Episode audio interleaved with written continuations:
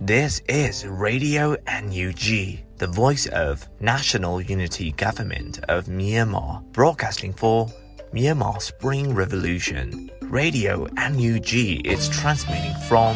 shortwave 16 meter 17.79 megahertz at 8:30 a.m. and 25 meter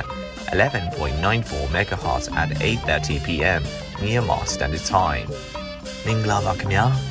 အမျိုးသားညီညွတ်ရေးအစိုးရရဲ့အတန်လွင့်ဌာန Radio NUG ကိုမနက်ပိုင်း၈နာရီခွဲမှာလိုင်းတို16မီတာ7.3 MHz ညပိုင်း၈နာရီခွဲမှာလိုင်းတို25မီတာ17.6 MHz တို့မှာဓာတ်ရိုက်ဖမ်းယူနိုင်နိုင်ပါပြီမင်္ဂလာအပေါင်းနဲ့ပြည့်စုံကြပါစေအခုချိန်ကစပြီး Radio NUG အစီအစဉ်တွေကိုဓာတ်ရိုက်အတန်လွှင့်ပေးနေပါပြီ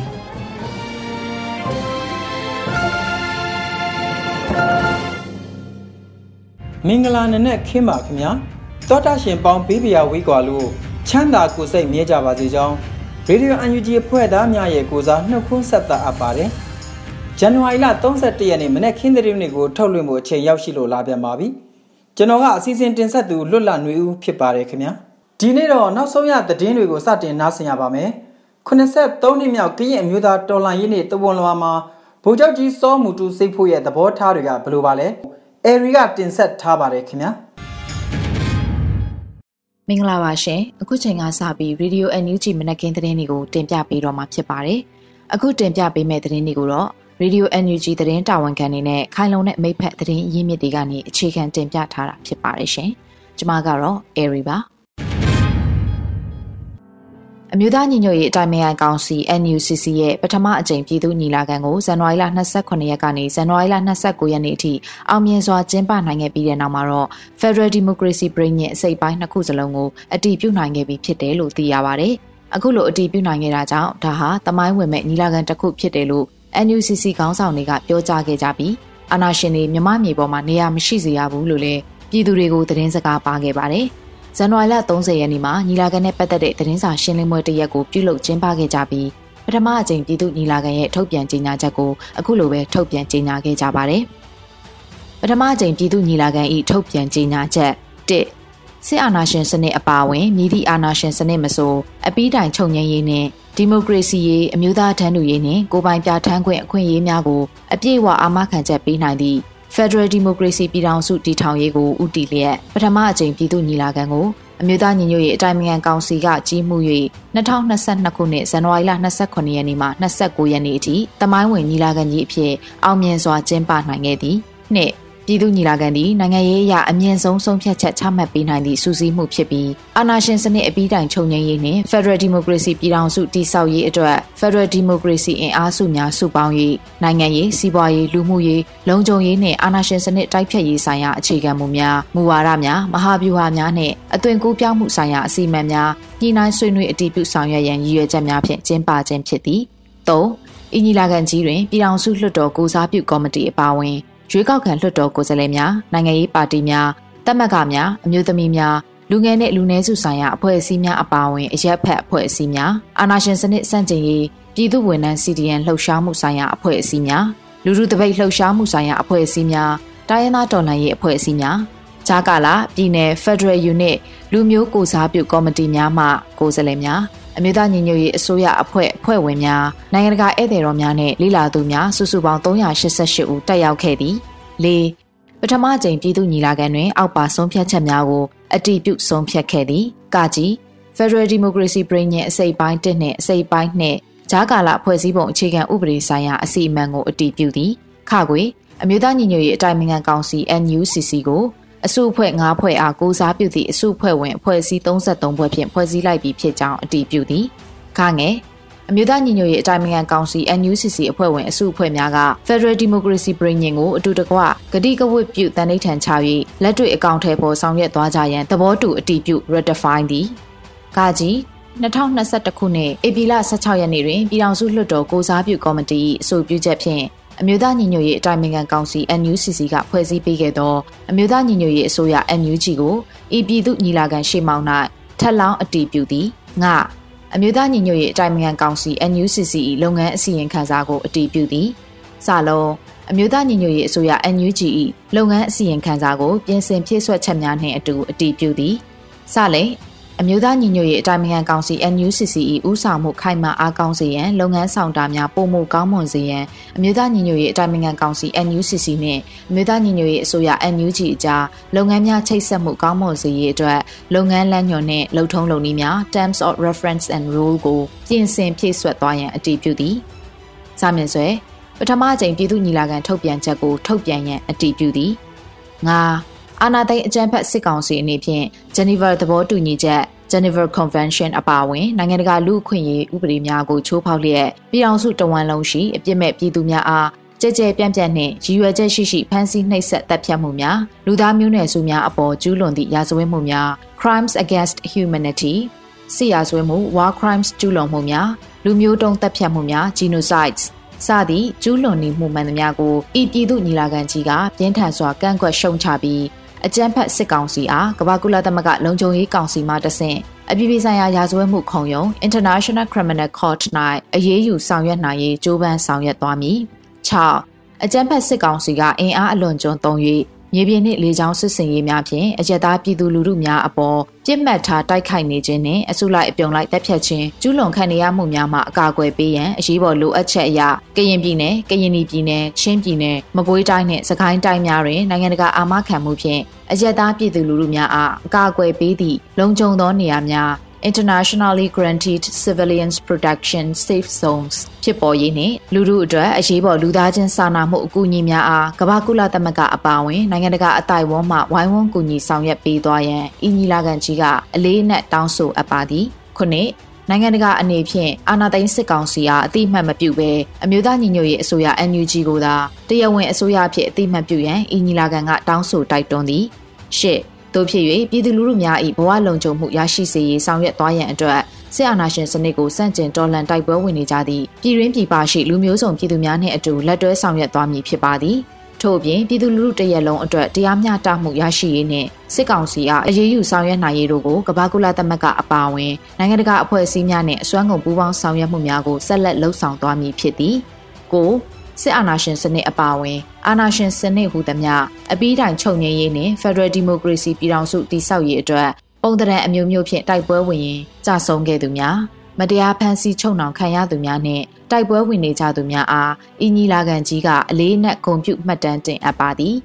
30အမျိုးသားညီညွတ်ရေးအတိုင်းအမြံကောင်စီအနေဖြင့်စစ်အာဏာရှင်စနစ်အပါအဝင်အာဏာရှင်မှန်သမျှဖယ်ရှား၍ဒီမိုကရေစီရေးအမျိုးသားတန်းတူရေးနှင့်ကိုပိုင်ပြဋ္ဌာန်းခွင့်ကိုအာမခံသော Federal Democracy ပြည်ထောင်စုကြီးတည်ဆောက်နိုင်သည့်အထိစုပေါင်းခေါင်းဆောင်မှုစုပေါင်းညီညွတ်မှုအင်အားတို့ဖြင့်ဆက်လက်တိုက်ပွဲဝင်သွားမည်ဖြစ်ကြောင်းထုတ်ပြန်ကြေညာအပ်ပါသည်လို့ပထမအကြိမ်မြို့သားညီညွတ်ရေးအတိုင်းအမြံကောင်စီပြည်သူ့ညီလာခံကသဘောထားထုတ်ပြန်ခဲ့ကြောင်းသိရှိရပါတယ်ရှင်။ဆက်လက်ပြီး83ကြိမ်မြောက်ကရင်အမျိုးသားတော်လှန်ရေးနေ့သို့ KNU ဥက္ကဋ္ဌတဝန်လွှာပေးပို့ခဲ့တဲ့တဲ့တင်ကိုတင်ပြပေးပါမယ်။ဇန်နဝါရီလ31ရက်နေ့မှာကြာရောက်တဲ့83ကြိမ်မြောက်ကရင်အမျိုးသားတော်လှန်ရေးနေ့သို့ KNU ကရင်အမျိုးသားအစည်းအရုံးဥက္ကဋ္ဌဗိုလ်ချုပ်ကြီးစောမှုတူစီဖို့ကတဝန်လွှာပေးပို့ခဲ့ပါတယ်။အဲ့ဒီတဝန်လွှာမှာကရင်အမျိုးသားအားလုံးကိုစိတ်ကျမ်းမာစွာနဲ့ရန်သူမျိုးအပေါင်းကနေအောင်မြင်ပါစေကြောင်းဆုမွန်ကောင်းတောင်းရင်ခေတ်အဆက်ဆက်နှစ်များစွာအတွင်းနိုင်ငံနဲ့လူမျိုးအတွက်အသက်ဆွခဲ့ကြတဲ့ကရင်သူရဲကောင်းတွေကိုဘုံယုံမှတ်တမ်းတင်လျက်လေးစားအသိမှတ်ပြုပါကြောင်းဥစွာဖော်ပြထားပါတယ်။မိမိတို့ကရင်အမျိုးသားတမိုင်းတလျှောက်မှာလူမျိုးကြီးစနစ်နဲ့ဝါရီရဲ့ဖိနှိပ်မှု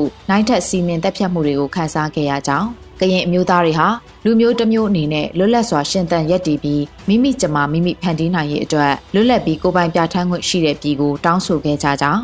ဒါကြောင့်ကရင်အမျိုးသားအစည်းအရုံး KNU ကို1948ခုနှစ်ဖေဖော်ဝါရီလ9ရက်နေ့မှာစတင်ဖွဲ့စည်းခဲ့ကြကြောင်းကရင်အမျိုးသားတွေရဲ့အမျိုးသားရည်မှန်းချက်ကိုနိုင်ငံရေးနည်းလမ်းနဲ့အကောင့်ထဲပေါ်လာစေဖို့ KNU ကကိုစားပြုကဥဆောင်မှုပေးဖို့အတွက်ဖြစ်တယ်လို့ရှင်းသားထားပါတယ်။ကရင်အမျိုးသားတို့ရဲ့နိုင်ငံရေးရည်မှန်းချက်ပန်းနိုင်ခရီးဟာခက်ခဲမျိုးစုံကြုံခဲ့ရပေမဲ့လည်းကရင်အမျိုးသားအစည်းအရုံးကချမှတ်ထားတဲ့နိုင်ငံရေးခုခံတော်လှန်ရေးရှေ့လုပ်ငန်းစဉ်တွေအတိုင်းနိုင်ငံရေးရည်ချိန်တွေနဲ့အညီစီရေးဆိုင်ရာဗျူဟာတွေအကောင့်ထဲဖို့လှုံ့ဆော်ခဲ့ကြတယ်လို့ဗိုလ်ချုပ်ကြီးစိုးမှုသူစေဖို့ကရေးသားထားပါတယ်။2015ခုနှစ်မှာစစ်တပ်နဲ့အပြစ်ခတ်ရဲစဲရေးယူခဲ့ပေမဲ့လည်းဒန်းတူရေးအပြန်အလှန်အသိမှတ်ပြုရေးကိုအကောင့်ထဲဖော်နိုင်ခြင်းမရှိတဲ့အတွက်နိုင်ငံရေးအရာအပြေရှားနိုင်ခဲ့ခြင်းမရှိဘူးလို့လည်းအတိအလင်းဖော်ပြထားပါသေးတယ်။ ဒါအပြင်2021ခုနှစ်ဖေဖော်ဝါရီလကစလို့စစ်တပ်ကနိုင်ငံတော်အာဏာကိုအတင်းအဓမ္မသိမ်းယူခဲ့ပြန်ရမှာဖွဲ့စည်းပုံအခြေခံဥပဒေနဲ့သွေးဖယ်နေတာကိုတွေ့ရှိရတဲ့အတွက်နိုင်ငံအဝန်းဆန့်ကျင်တော်လှန်မှုတွေပေါ်ပေါက်ခဲ့ရပြီးအဲ့ဒီအာဏာသိမ်းမှုကအာဏာရှင်စနစ်ကိုပြန်လည်အသက်သွင်းခြင်းတာဖြစ်တယ်ဆိုပြီးတော့လည်းဖော်ပြထားပါတယ်။လွန်ခဲ့တဲ့ခေတ်ကာလတွေကိုပြန်ကြည့်ရင်ဗမာလူမျိုးမဟုတ်တဲ့တခြားသောလူမျိုးစုတွေကသာ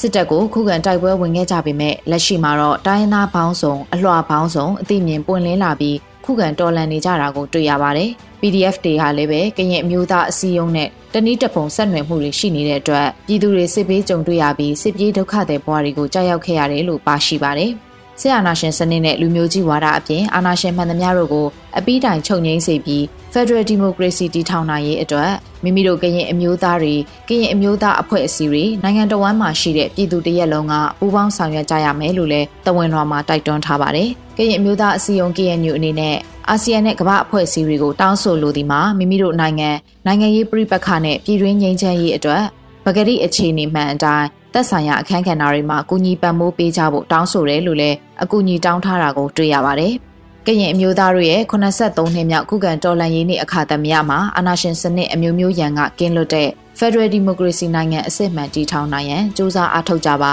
အနာဂတ်မျိုးဆက်သစ်တွေအတွက်ရေရှည်တည်တတ်မဲ့ငြိမ်းချမ်းရေးကိုဦးတည်လျက်မိမိတို့ကရင်အမျိုးသားတွေအပြင်သက်ဆိုင်ရာလူမျိုးတိုင်းအဖွဲ့အစည်းတိုင်းနဲ့ပြည်သူတရက်လုံးကစီးလုံးစွာကြိုးပမ်းကြရန်တိုက်တွန်းရင်းညီကုန်းချုပ်အပ်ပါတယ်စစ်မှန်တဲ့တော်လှန်ရေးမုတ်ချအောင်ရမယ်လို့ရေးသားဖော်ပြထားတာကိုတွေ့ရပါတယ်ရှင်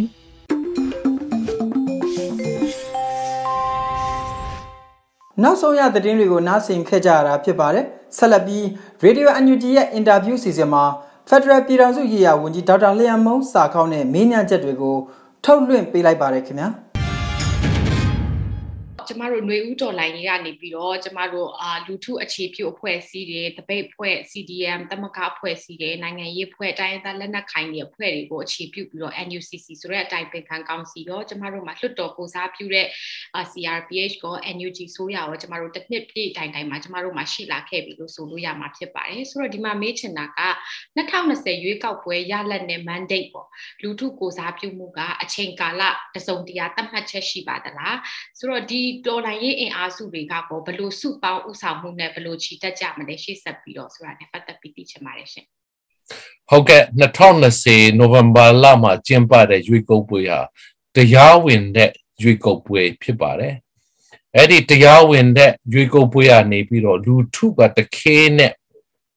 ရွေးကောက်တင်မြှုပ်ထားတဲ့ပြည်သူလွှတ်တော်ကိုယ်စားလှယ်များဟာတရားဝင်တဲ့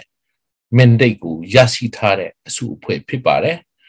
ဒီလိုတရားဝင်မှုဟာကျွန်တော်တို့လာတင်စကားနဲ့ the jury mandate လို့ခေါ်ပါတယ်ဆိုတော့ the jury mandate ဟာခိုင်မာတဲ့လူထုကိုကူစားပြုတ်နိုင်တဲ့လူထုကသူတို့ပိုင်ဆိုင်ထားသောအချုပ်အချာအာဏာကိုကျင့်သုံးဖို့အနှင်ထားတဲ့လူထုကူစလေများရဲ့အာ mandate ပဲဖြစ်ပါတယ်ဒီ mandate နဲ့ကျွန်တော်တို့နှစ်ပေါင်းများစွာဒီမိုကရေစီရဲ့အမျိုးသားတန်းတူရေးနဲ့ကိုပိုင်ပြဋ္ဌာန်းခွင့်အခွင့်အရေးမှာရရှိရေးအတွက် လက်နက်ကင်တော်လှန်ရေးကိုဆင်နွှဲနေတဲ့တိုင်းရင်းသားတော်လှန်ရေးအင်အားစုများပိုင်ဆိုင်ထားတဲ့ defective mandate နဲ့ပေါင်းစပ်ပြီးတော့မှຫນွေဥတော်လှန်ရေးနဲ့အတူကျွန်တော်တို့ဒီအရေးတော်ပုံကြီးကိုဆင်နွှဲနေတာဖြစ်ပါတယ်ဒီအရေးတော်ပုံကြီးကိုဆင်နွှဲတဲ့အခါမှာကျွန်တော်တို့အခုနပြောသလို defective mandate နဲ့ de jure mandate ကိုပေါင်းစပ်ပြီးတော့မှဒီစစ်အာဏာရှင်စနစ်ကိုတော်လှန်နေတာဖြစ်ပါတယ် ထို့အတွက်ကြောင့်ဒီဒေါ်လာကြီးမုတ်ချက်အောင်ရမယ်ဆိုပြီးတော့ကျွန်တော်ပထမအနေနဲ့ပြောချင်တယ်ဆိုတော့ mandate ကဘလောက်ကြာတယ်လဲတက်တမ်းဘလောက်ရှိတယ်လဲတာမန်ချင်းမှာတာမန်အချီနီမှာရွေးကုတ်ပွေးကအဲလေးနှစ်တက်တမ်းရှိပါတယ်တုတ်တော့စစ်ကောင်စီကလူထုကပေးအပ်ထားသော လူထုရဲ့ရွေး mandate ကိုကျင့်သုံးခွင့်မပေးတဲ့အတွက်ဒီကျင့်သုံးခွင့်မရမချင်းကျွန်တော်တို့ဒေါ်လာကြီးကိုရှင်းသွင်းမှာဖြစ်ပါတယ် ဒီကျင့်သွင်းခွင့်ရတဲ့အခါမှာဆီအာနာစင်စနစ်ကိုဖြိုချပြီးတော့ကျွန်တော်တို့ဒီ mandate အတိုင်းဆက်လက်ပြီးတော့ပြည်သူအကျိုးပြုပြည်ထောင်စုကြီးကိုအကျိုးပြုတဲ့လုပ်ငန်းတွေဆက်လက်ပြီးတော့ဆောင်ရွက်သွားမှာဖြစ်ပါတယ်ထို့အတွက်ကြောင့်ဒီ mandate ရဲ့တက်တန်းကစစ်ကောင်စီကနေဖြစ်စီဖို့ကြိုးစားနေတဲ့အတွက်ကြောင့်ကျွန်တော်တို့ကလည်းဒါကိုပြန်လေတီဆုပ်ပြီးကြိုးစားရမှာဖြစ်တဲ့အတွက်တက်တန်းအနေနဲ့ကျွန်တော်တို့တတ်မှတ်လို့မရဘူး ကျွန်တော်တို့အရေးတော်ပုံအောင်မြင်တဲ့အထိဟာကျွန်တော်တို့တက်တန်းဖြစ်ပါတယ်လို့ပြောချင်ပါတယ်အာနံပါတ်1အနေနဲ့မေးချင်တာကတော့ NUCC ရဲ့ပထမအဆုံးသတင်းစာရှင်းလင်းပွဲမှာဂျာကာလာကနေပြီးတော့အသွင်ကူးပြောင်းရေးကာလအဆင့်ကိုသွားမယ်လို့ဆိုထားပါတယ်ဆိုတော့အသွင်ကူးပြောင်းရေးကာလအဆင့်ကိုကျမတို့ရောက်နေပြီလားဒါမှမဟုတ်ရောက်ဖို့နီးပြီလားအကယ်လို့များအသွင်ကူးပြောင်းရေးကာလလို့ကျမတို့ဆိုတဲ့အချိန်မှာဘယ်လက္ခဏာတွေဘယ်လိုတွေရှိတယ်လဲဆိုတာလေးကိုကျမတို့တစ်ချက်တော့ရှင်းပြပေးလို့ရမလားရှင် ဟုတ်ကဲ့ကျွန်တော်တို့ NUCC မှာကြီးဆွေးပြဋ္ဌာန်းထားတဲ့ Federal ပဋိငိမ်အရာကျွန်တော်တို့လမ်းပြမေပုံအရှင်းစနစ်စင်ကိုကျွန်တော်တို့သတ်မှတ်ထားပါတယ်အဲ့လိုသတ်မှတ်တဲ့နေရာမှာအခုကာလကိုကျွန်တော်တို့ကြာကာလလို့သတ်မှတ်ပါတယ်ကြာကာလဆိုတာတော်လှန်ရေးကာလဖြစ်ပါတယ်ဒီတော်လှန်ရေးကာလမှာမင်းအွန်လိုင်းနဲ့စစ်ကောင်စီကိုကျွန်တော်တို့ဖြုတ်ချဖို့ကျွန်တော်တို့တိုက်ထုတ်ဖို့လိုပါတယ် ဒီလိုတိုက်ထုတ်ပြီးလိုက်တာနဲ့တပြိုင်နက်ကျွန်တော်တို့အသွင်ကူးပြောင်းရေးကာလကစတင်မှာဖြစ်ပါတယ်ဆိုတော့ကြာကာလကတော့ကျွန်တော်တို့စစ်ကောင်စီကိုတိုက်ထုတ်တဲ့တိုက်ပွဲဝင်တဲ့တော်လှန်တဲ့ကာလဖြစ်တယ်အသွင်ကူးပြောင်းရေးကာလကတော့စစ်ကောင်စီကိုဖြုတ်ချပြီးတဲ့နောက်ကျွန်တော်တို့ပြည်ထောင်စုကြီးကိုအနာဂတ်မှာဘလို့ပြန်လေထူထောင်ရမလဲဆိုပြီးတော့ကျွန်တော်တို့ထူထောင်ရေးကိုလုပ်ရမယ်ကာလဖြစ်ပါတယ်။ တနည်းအားဖြင့်ပြောလိုက်လို့ရှိရင်အသွင်ကူးပြောင်းရေးကာလအတွင်းမှာကျွန်တော်တို့လုပ်ငန်းနှစ်ခုကိုဆောင်ရွက်ရမှာဖြစ်ပါတယ်။အဲ့ဒီလုပ်ငန်းနှစ်ခုကတော့နံပါတ်1ကတော့တိုင်းပြုတ်ပြီးပြုတ်ငေလာခံကြီးကိုခေါ်ယူပြီးတော့ကျွန်တော်တို့အမေတန်းကျင့်သုံးမဲ့ပြီးထောင်စုဖွဲ့စည်းပုံအခြေခံဥပဒေကြီးကိုလူထုတရက်လုံးပါဝင်ပြီးတော့ရည်ရွှေပြဋ္ဌာန်းသွားမှာဖြစ်ပါတယ်ဒီလိုလူထုတရက်လုံးပါဝင်ပြီးတော့ရည်ရွှေပြဋ္ဌာန်းနိုင်ရဲ့အတွက်ကျွန်တော်တို့ အခုအမျိုးသားညီညွတ်ရေးအစိုးရ Federal ပြည်ထောင်စုရည်ရဝန်ကြီးဌာနကလည်းတတက်တအားပြင်ဆင်ထားပါတယ်အစင်သင့်ဖြစ်အောင်ကျွန်တော်တို့လှုပ်ထားပါတယ်ဒီလိုလှုပ်ထားတဲ့အတွက်ကြောင့်ကျွန်တော်တို့လူထုအတွက်ကျွန်တော်တို့ပြင်ဆင်ထားသောအမူကြမ်းတွေကိုကျွန်တော်တို့ချပြသွားမှာဖြစ်တယ်အဲလိုချပြထားတဲ့ဟာတွေကိုကျွန်တော်တို့အနေနဲ့အတိတ်တဖန်ရည်ရွှေသွားမှာဖြစ်ပါတယ်ကျွန်တော်အနေနဲ့ Federal ပြည်ထောင်စု ဝင်ကြီးရဝင်ကြီးဌာနကနေဆောင်ရွက်တယ်ဆိုတဲ့နေရာမှာကျွန်တော်တို့ NUG ဆိုရတဲ့ Federal ပြည်ထောင်စုကြီးရဝင်ကြီးဌာနတစ်ခုတည်းကိုပြောတာမဟုတ်ဘူး NUCC တစ်ခုလုံးကိုကျွန်တော်တို့အနေနဲ့ကျွန်တော်ပြောချင်တာဖြစ်ပါတယ်ဒီအနာဂတ် Federal Democracy ပြည်ထောင်စုဖွဲ့စည်းပုံချီခံဥပဒေကြီးဆွေးရေးလုပ်ငန်းအားလုံးဟာဆိုလို့ရှိရင်ကျွန်တော်တို့အမျိုးသားညီညွတ်ရေးအတိုင်းပင်ခံကောင်စီအောက်မှာဖွဲ့စည်းထားတဲ့ ကျွန်တော်ပေါင်းဆက်ညှိနှိုင်းရေးကော်မတီကနေပြီးတော့ဆောင်ရွက်သွားမှာဖြစ်ပါတယ်အဲ့ဒီအတွက်ကျွန်တော်တို့ဝင်ကြီးဌာနလည်းပါဝင်ပြီးတော့တတတအားနဲ့ပူပေါင်းဆောင်ရွက်သွားမှာဖြစ်တယ်ဆိုပြီးတော့ကျွန်တော်ပြောကြားချင်ပါတယ်ကြားကာလဆိုတာတော်လှန်ရေးကာလဖြစ်တယ်အသွင်ကူးပြောင်းရေးကာလဆိုတာကျွန်တော်တို့ပြည်ထောင်စုကြည်ပြန်နေထူထောင်ဖို့အတွက်တိုင်းပြုတ်ပြီးပြုတ်ငေလာခံခေါ်ယူပြီးတော့အာအနာဂတ်မှာကျွန်တော်တို့ကျင့်သုံးမဲ့ Federal Democracy ဖွဲ့စည်းပုံအခြေခံဥပဒေကို ကြီးဆွေးပြဋ္ဌာန်းမဲ့ကာလကိုဆိုလိုတာဖြစ်ပါတယ်။အဲ့လို Federal Democracy ဖွဲ့စည်းပုံအခြေခံဥပဒေကိုကြီးဆွေးပြဋ္ဌာန်းပြီးလိုက်တာနဲ့တပြိုင်နက်ကျွန်တော်တို့အဲ့ဒီဖွဲ့စည်းပုံကိုကျင့်သုံးတဲ့ကာလဟာပုံမှန်ကာလဖြစ်သွားမှာဖြစ်တယ်။အင်္ဂလိပ်လို constitutionalism လို့ခေါ်ပါတယ်အဲ့ဒီအဆင့်ကကျွန်တော်တို့ရုပ်ရှိနိုင်ဖို့အတွက်ကြိုးပမ်းသွားရမှာဖြစ်ပါတယ်ဟုတ်ကဲ့ရှင် နောက်တစ်ခုအနေနဲ့သိချင်တာကတော့ကျမတို့ confederation နဲ့ federation ဆိုပြီးတော့ပြောနေကြတဲ့အမြင်တွေလည်းရှိကြတယ်ပေါ့ဆိုတော့အခုຫນွေဦးတော်လိုင်းကြီးကနေပြီးတော့ကျမတို့ federal ပြည်ထောင်စုကိုတိစောက်တဲ့အခါမှာဟိုအရင်တုန်းကလိုပဲကျမတို့ပြည်နယ်နဲ့တိုင်း14ခုကိုအခြေခံပြီးတော့ပဲလှုပ်ဆောင်မလားဒါမှမဟုတ်မြေပြင်အခြေအနေနဲ့လက်တွေ့မှာကျမတို့လှုပ်ဆောင်ရမယ်ဆိုလို့ရှိရင်ဒီ confederation ကိုပြောဆိုကြတဲ့ပုံမှာရောဝင်ကြီးအနေနဲ့ဗာများပြောချင်ပါတယ်ရှင်ဟုတ်ကဲ့ federation နဲ့ confederation ဆိုတဲ့ဟာအမှန်စင်စစ်ကအာဘာခေါ်မလဲအာကွာချက်ချက်တွေရှိတယ်လို့အာတူညီမှုတွေလည်းအများကြီးရှိပါတယ်အာကျွန်တော်တို့အခုຫນွေဥတော်လှန်ရေးကနေတာမကကျွန်တော်တို့တိုင်းရင်းသားလူမျိုးများနှစ်ပေါင်း90တောင်းဆိုတဲ့တောင်းဆိုချက်ကတော့အာ Federal ပြည်ထောင်စုစနစ်ဖြစ်ပါတယ်အဲ့ဒီ Federal ပြည်ထောင်စုစနစ်မှာကျွန်တော်တို့ပြည်ထောင်စုအဖွဲ့ဝင်ပြည်နယ်များ ကိုပိုင်ပြဋ္ဌာန်းခွင့်ကိုအပြည့်အဝကျင့်သုံးပိုင်ခွင့်ရှိရမှာဖြစ်ပါတယ်အဲ့ဒီပြည်နယ်များကိုပိုင်ပြဋ္ဌာန်းခွင့်အပြည့်အဝကျင့်သုံးနိုင်ရေးအတွက်အဲ့ဒီပြည်နယ်တီးတီးမှာပြည်နယ်ဖွဲ့စည်းပုံချီခံဥပဒေကိုရည်ရွှေပြဋ္ဌာန်းခွင့်ရှိရမှာဖြစ်ပါတယ်ဆိုတော့ပြည်နယ်တီးတီးကမိမိတို့ပြည်နယ်အတွင်းမှာကျင့်သုံးမဲ့ပြည်နယ်ဖွဲ့စည်းပုံချီခံဥပဒေရည်ရွှေပြဋ္ဌာန်းခွင့်ဟာကိုယ်ပိုင်ပြဋ္ဌာန်းခွင့်ရှိတယ်လို့ကျွန်တော်တို့ပြောဆိုနေခြင်းပဲဖြစ်ပါတယ်ဆိုတော့ကျွန်တော်တို့အနာဂတ်မှာ အရေးကြီးတဲ့ဆုံးဖြတ်ချက်ကိုကျွန်တော်တို့ခုနပြောတဲ့အသွင်ကူးပြောင်းရေးကာလမှာတိုင်းပြုပြီးပြုတ်ငေလာခံကျင့်ပတဲ့ခါမှာကျွန်တော်တို့ရွေးချယ်ဆုံးဖြတ်ဖို့ရှိပါတယ်အဲ့ဒါကတော့ကျွန်တော်တို့ပြည်ထောင်စုအဖွဲ့ဝင်ပြည်နယ်မြောက်ကိုပြည်နယ်ခေါ်မလားပြည်ထောင်ခေါ်မလားဒါမှမဟုတ်ပြည်ခေါ်မလားအဲ့ဒါဆုံးဖြတ်ဖို့ဖြစ်ပါတယ်ကျွန်တော်တို့ကပြည်ထောင်စုအဖွဲ့ဝင်အားလုံးကိုနာမည်တစ်ခုတည်းပဲပေးချင်ပါတယ်အခုလိုပြည်နယ်နဲ့တိုင်းဒေသကြီးစုပြီးတော့ ခွဲခြားဆက်ဆံတာမျိုးကျွန်တော်တို့လုံးဝလက်ခံတော့မှာမဟုတ်ပါဘူးဗမာတွေနေတဲ့ဒေသကိုတိုင်းခေါ်တယ်တိုင်းဒေသကြီးခေါ်တယ်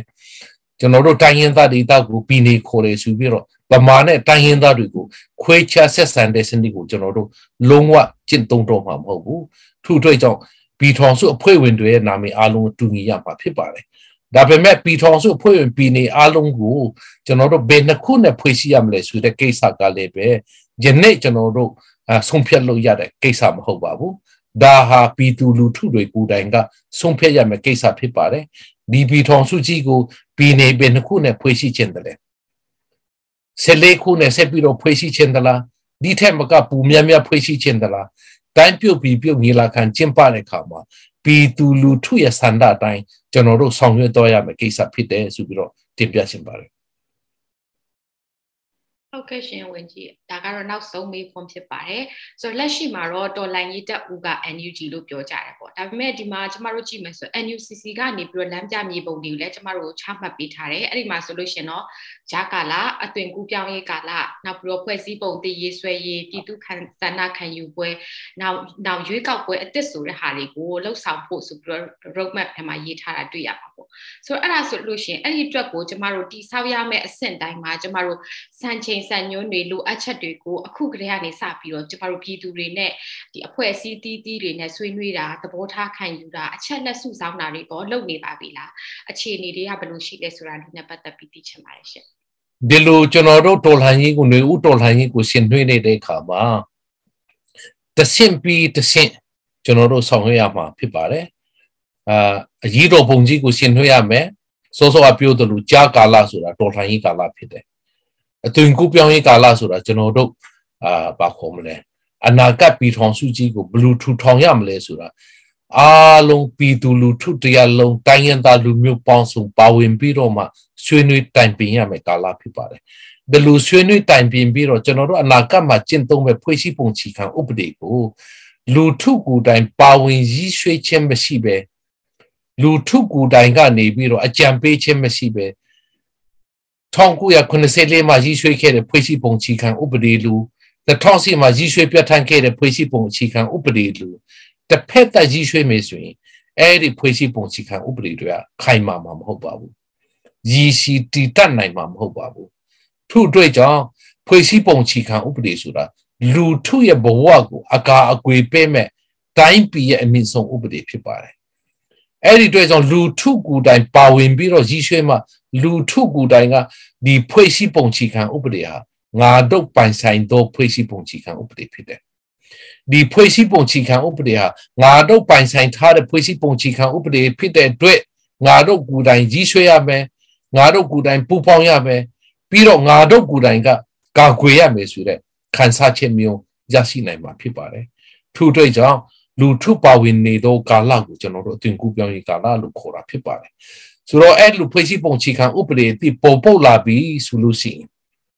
ကျွန်တော်တို့အဲ့ဒီဖွဲ့စည်းပုံချီခံဥပဒေတိအတိုင်းရွေးကောက်ပွဲတွေကျင်းပရမှာဖြစ်တယ်အဲ့ဒီရွေးကောက်ပွဲကနေတက်လာတဲ့အစိုးရကိုအာဏာလွှဲပြောင်းပြီးတော့ပုံမှန်အစိုးရဖြစ်နေကျွန်တော်တို့ဆက်လက်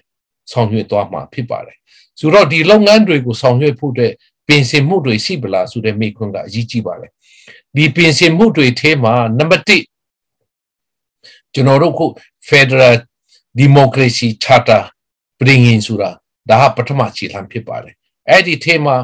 charter အစိတ်အပိုင်း1မှာကျွန်တော်တို့လမ်းပြတ်မီပုံကိုအသေးစိတ်ရည်ရွယ်ထားတယ်အနာဂတ်ပြည်ထောင်စုကြီးမှာကျင့်သုံးမဲ့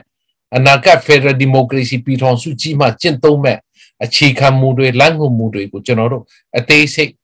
ဖော်ပြထားတယ်ပြီးလို့ရှိရင် charter အစိတ်ပိုင်း1ကတော့အခုဂျာကာလာမှာကျွန်တော်တို့ဘလူအာ NUG ဆိုရကိုဖွဲ့စည်းရမလဲ NUCC ကိုဖွဲ့စည်းရမလဲဘာလုပ်ငန်းတွေကိုဆောင်ရွက်ရမလဲဆိုတဲ့ကြားကာလဖွဲ့စည်းပုံအခြေခံဥပဒေဖြစ်တယ်လို့ပြောလို့ရပါတယ်အဲ့ဒါကြောင့်အမ်ကြာကာလဖွဲ့စည်းပုံချီခံဥပဒေဆိုင်ရာအစီအမံများလို့ကျွန်တော်တို့နာမည်ပေးထားခြင်းဖြစ်ပါတယ်ဆိုတော့ဒီကနေဆက်ပြီးတော့အသွင်ကူးပြောင်းရေးကာလတွေတဲ့ကျွန်တော်တို့အစီအမံတွေကျွန်တော်တို့ရည်ရွယ်ရမှာဖြစ်ပါတယ်အခုဆိုရင်ကျွန်တော်တို့အဲ့ဒီအသွင်ကူးပြောင်းရေးကာလတွေ အစီအမံတွေကိုရည်ရွယ်တယ်အသွင်ကူးပြောင်းရေးကာလမှာကျင့်သုံးမဲ့အသွင်ကူးပြောင်းရေးကာလဖွဲ့စည်းပုံချီခံဥပဒေရည်ရွယ်ရေးအတွက်ကျွန်တော်တို့ပြင်ဆင်နေပြီပြီးတော့အဲ့ဒီတွင်ကူးပြောင်းရေးကာလမှာကျွန်တော်တို့လူအပ်မဲ့တိုင်းပြုတ်ပြီးပြုတ်ငေလာခံကိုဘယ်လိုဖွဲ့စည်းမလဲဘယ်လိုရွေးကောက်ပွဲတွေလုပ်မလဲဆိုတာကျွန်တော်တို့ပြင်ဆင်နေပြီဒါတွေကိုကျွန်တော်တို့အာကောင်းကောင်းမွန်မွန်ပြင်ဆင်ထားပြီးတော့အသွင်ကူးပြောင်းရေးကာလရောက်တာနဲ့တပြိုင်နက်အဲ့ဒီတိုင်ဆောင်ရွက်သွားမှာဖြစ်ပါတယ်ထို့အတွက်ကြောင့်ကျွန်တော်တို့ပြင်ဆင်မှုတွေဖက်ပေါင်းစုံကလုပ်ပါ လုပ်နေပါတယ်ပြည်သူလူထုတရားလုံးအနေနဲ့ကျွန်တော်တို့အရေးတော်ပုံကြီးအောင်မြင်အောင်တိုက်ထုတ်ဖို့တာတိုက်ပွဲဝင်ဖို့တာအရေးကြီးတယ်ဒီတိုက်ပွဲတာအောင်မြင်မယ်ဆိုရင်အနာဂတ်ပြည်ထောင်စုကြီးကိုပြန်လေထူထောင်တဲ့အခါမှာပင်လုံစာချုပ်မှာဘူချောအောင်စားနဲ့တိုင်းရင်းသားခေါင်းဆောင်ကြီးများမြုံမှန်းထားတဲ့အတိုင်းကျွန်တော်တို့ဆောင်ရွက်နိုင်များဖြစ်တယ်ဆိုတာကျွန်တော်အာပြောကြားချင်ပါတယ်ကျွန်တော်တို့တိုင်းရင်းသားလက်နက်ကိုင်ဒေါ်လာရင်းအင်အားစုများနှစ်ပေါင်း90တောင်းဆိုထားတဲ့ ဒီမိုကရေစီရဲ့အမျိုးသားတန်းတူရေးနဲ့ကိုပိုင်ပြတ်ထန်းခွင့်ခွင့်ကြီးတွေအပြည့်အဝရှိတဲ့ပြည်ထောင်စုကြီးကလည်းမှုချမသွေကျွန်တော်ထူထောင်နိုင်မယ်ဆိုဆိုတာကျွန်တော်ပြောကြားချင်ပါတယ်အဲ့ဒီတွေ့လဲကျွန်တော်တို့အမျိုးသားညီညွတ်ရေးအစိုးရကနေပြီးတော့ဖက်ပေါင်းစုံကနေကျွန်တော်တို့ပြင်ဆင်မှုတွေလုပ်နေပါတယ်ဆိုတာကိုကျွန်တော်တင်ပြချင်ပါတယ်ဟုတ်ကဲ့ကျေးဇူးတင်ပါတယ်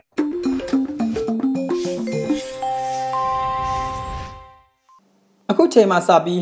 PVTV မှနေ့စဉ်သတင်းများကိုထက်ထက်အိန္ဒြာအောင်ကဖတ်ကြားပေးပါဦးမယ်ခင်ဗျာစစ်အာဏာရှင်ဆန့်ကျင်ရေးတော်လှန်ရေးတစ်နှစ်ပြည့်အတန်တိတ်တပိတ်ကြီးကိုဘေးကင်းလုံခြုံတိတ်ဆိတ်စွာနဲ့ပြည်သူတွေဆင်နွှဲနိုင်ကြပါစေကြောင်းကျွန်တော်ဆုတောင်းပေးခဲ့ပါရစေကျေးဇူးတင်ပါတယ်ခင်ဗျာ အမျိုးသားညီညွတ်ရေးအစိုးရတယံဇာတာနဲ့တဘာဝပတ်ဝန်းကျင်ထိန်းသိမ်းရေးဝန်ကြီးဌာနကဝန်ကြီးဌာနအောက်မှာရှိတဲ့ဌာနလုပ်ငန်းအသီးသီးက CDN ဝန်ထမ်းတွေတပိုင်းတနိုင်စီးပွားရေးလုပ်ငန်းတွေလှုပ်ဆောင်နိုင်ရေးဗတ်ဆောင်သုံးဆက်ပြရေးလုပ်နည်းတင်တန်းတွေပေးနေပါတယ်။အခုလည်းဗတ်ဆောင်သုံးဆက်ပြရေးလက်တွေ့တင်တန်းတရုတ်ပြပူချမှုကိုနှစ်ရက်ကြာတင်တန်းပေးခဲ့ပါတယ်။ ဇန်နဝါရီ25ရက်နဲ့26ရက်နေ့တို့မှာတင်နန်းပြုလုပ်ပေးခဲ့တာဖြစ်ပြီးတော့တင်နန်းကို22ဦးထိတက်ရောက်ခဲ့တယ်လို့တယံဇာတာနဲ့တဘာပတ်ဝန်းကျင်ထိမ့်သိမ်းရေးဝန်ကြီးဌာနကသတင်းထုတ်ပြန်ထားပါတယ်။ဆက်လက်ပြီးတော့စီးပွားရေးနဲ့ကုသရေးဝယ်ရေးဝန်ကြီးဌာနကနေမြန်မာ Institute of Commerce တည်ထောင်ထားတဲ့ဆိုတဲ့သတင်းကိုတင်ဆက်ပေးပါမယ်။ အမျိုးသားညီညွတ်ရေးအစိုးရစီးပွားရေးနဲ့ကုသရေးဝယ်ရေးဝန်ကြီးဌာနကနေစီးပွားရေးဆိုင်ရာလှုပ်ဆွမ်းအရေးအမြင့်ဖွံ့ဖြိုးတိုးတက်ရေးလုပ်ငန်းတွေကိုဖော်ဆောင်နိုင်ဖို့အတွက်မြန်မာ Institute of Commerce ကိုတည်ထောင်ထားပါတယ်။အဲ့ဒီကနေသင်တန်းတွေအလုပ်ရုံဆွေးနွေးပွဲတွေပြုလုပ်ပေးနေတယ်လို့လည်းဆိုပါတယ်။အဲ့ဒီလိုသင်တန်းတွေကနေ Training Fundamentals သင်တန်းကို January 24ရက်ကနေ28ရက်အထိ9ရက်ကြာဖွင့်လှစ်ခဲ့ပါတယ်။ တင်နန်းကိုတော့တင်နန်းသား46ဦးထိတက်ရောက်ခဲ့ပြီး35ဦးတက်မြောက်အောင်မြင်ခဲ့တယ်လို့သတင်းထုတ်ပြန်ချက်မှာတွေ့ရပါတယ်။ပူတာအိုခရိုင်အတွင်းမှာနေထိုင်ကြတဲ့ပြည်သူတွေနဲ့မြစ်ကြီးနားစွန်ပရာဘွန်ပူတာအိုကားလမ်းကိုတုံပြီးတွာလာနေကြတဲ့သူတွေအဖွဲ့အစည်းအလုံးသိရှိလိုက်နာဖို့အတိပေးချက်ကို KIO ပူတာအိုခရိုင်ကဒီကနေ့ရက်စွဲနဲ့ထုတ်ပြန်ခဲ့ရမှာ မြမပီယာအပါအဝင်စစ်ကောင်စီနဲ့ပတ်သက်တဲ့ပစ္စည်းတွေတည်ဆောင်ရောင်းချတာမလုပ်ဖို့ဖော်ပြထားတာပါ။ဒါအပြင်မူရစ်စေဝါရောင်းဝယ်ဖောက်ကားတာတည်ဆောင်တာတုံးဆွဲတာနဲ့စိုက်ပျိုးထုတ်လုပ်တာလုံးဝလုံးဝမပြုလုပ်ဖို့လဲတားမြစ်ထားပါတယ်